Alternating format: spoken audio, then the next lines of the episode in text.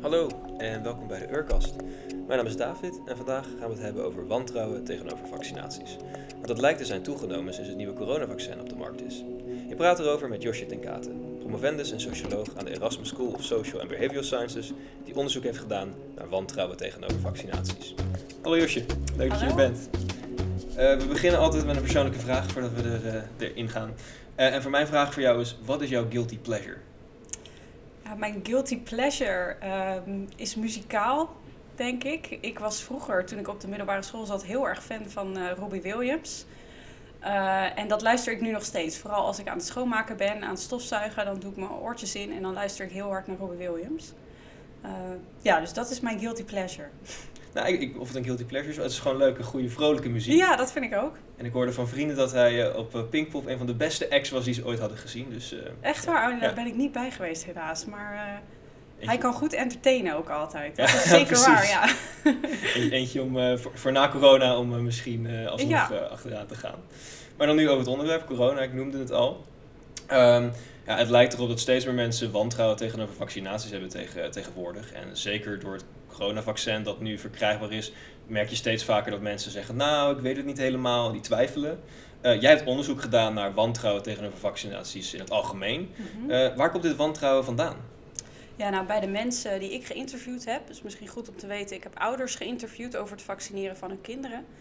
Uh, en die hadden eigenlijk twee verschillende manieren waarop zij een beslissing maakten over vaccinaties en waar dus twijfel uit voort kon komen.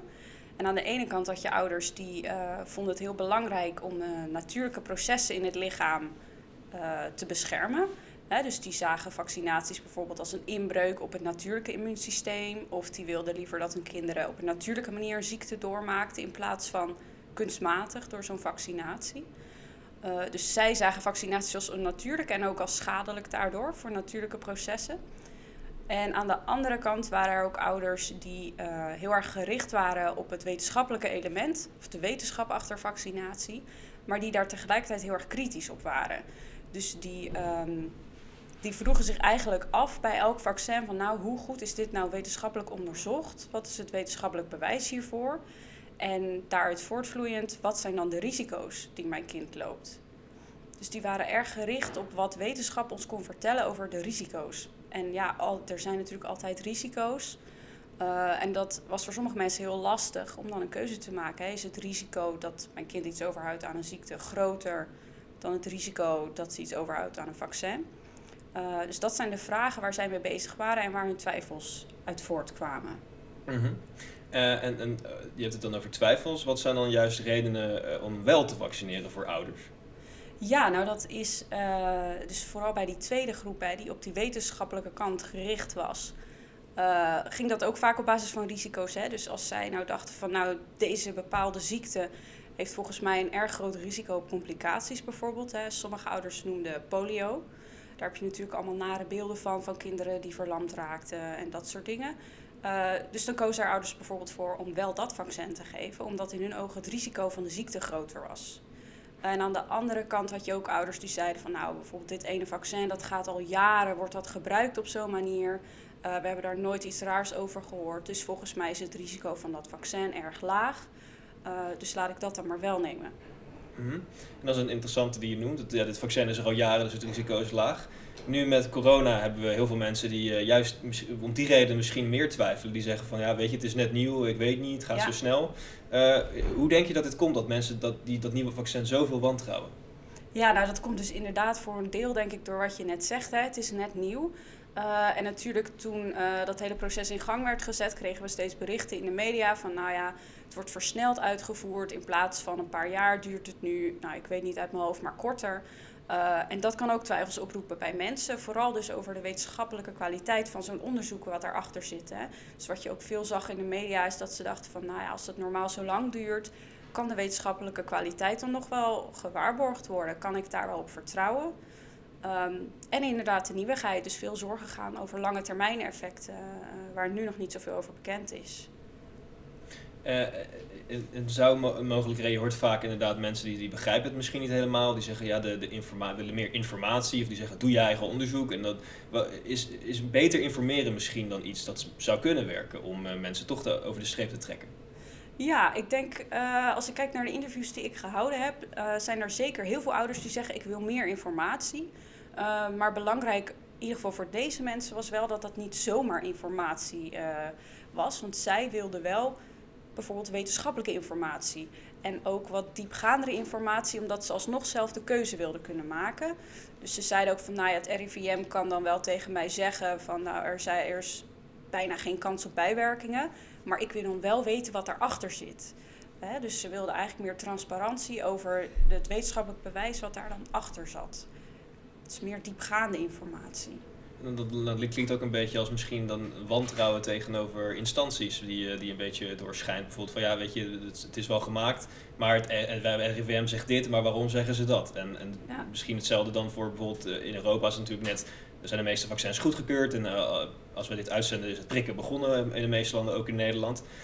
maar vertrouwen ze dan dat soort instanties niet met een oordeel van die zeggen van het is veilig, het kan? Uh, nou, ik denk dat het eerder is dat mensen liever de keuze bij zichzelf houden.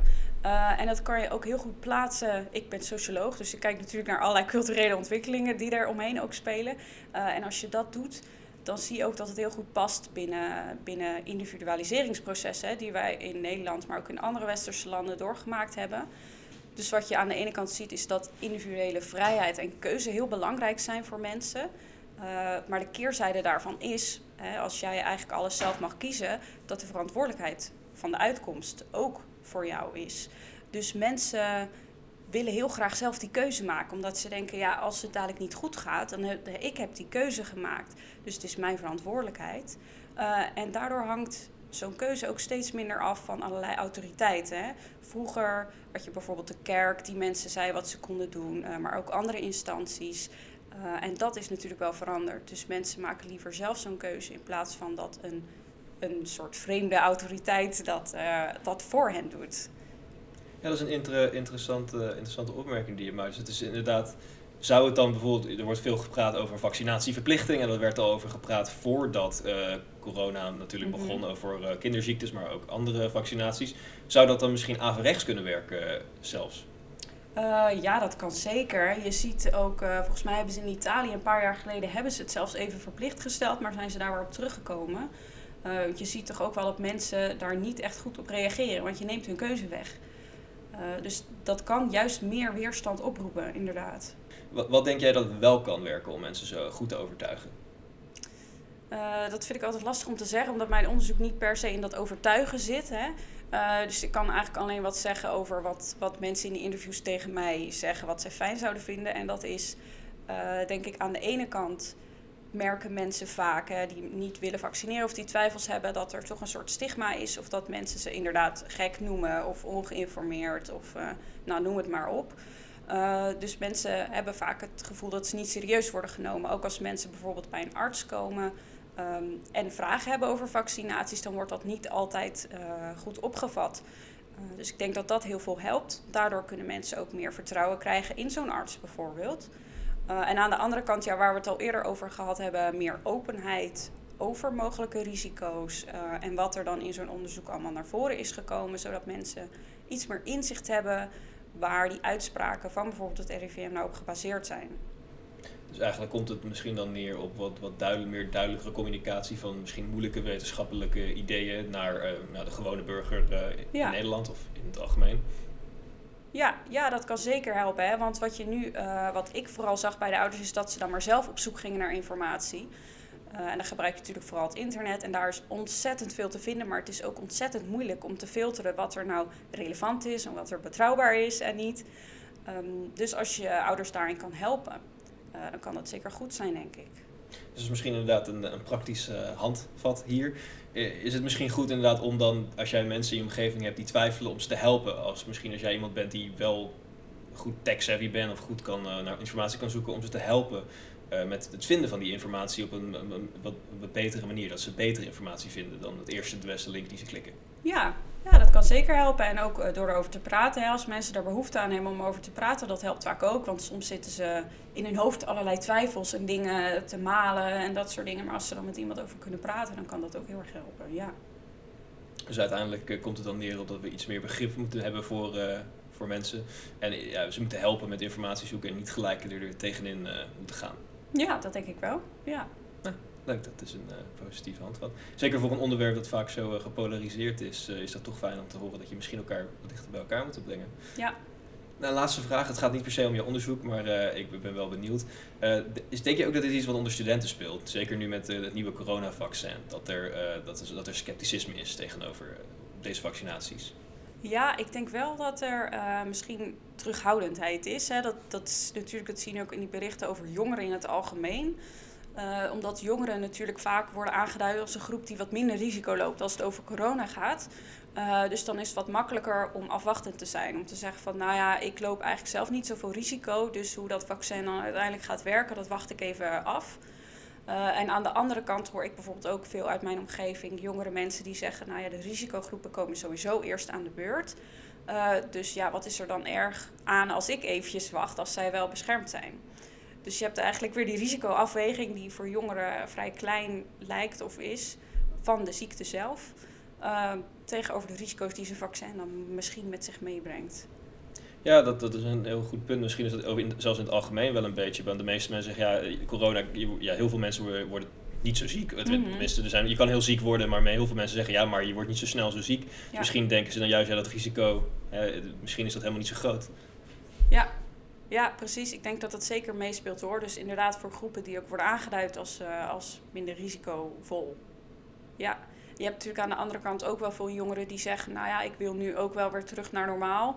Dus ook naar sociale dingen toe, naar festivals uh, en dat soort dingen. Uh, en ik denk dat dat, als daar bijvoorbeeld vaccinaties verplicht voor worden, dat dat natuurlijk jongeren misschien wel weer over de streep kan halen. Dus misschien in dat, in dat geval voor jongeren zou het uh, toch wel kunnen werken om misschien te zeggen, je hebt het nodig om uh, iets te kunnen.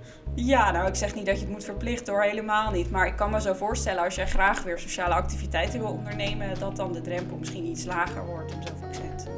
Oké, nou dan uh, hebben we een soort praktische handvaten gehad en voor wat relevante ideeën voor studenten. En dan wil ik je heel erg bedanken voor deze aflevering van de Urkast. En dan zeg ik tot de volgende keer tegen de luisteraars.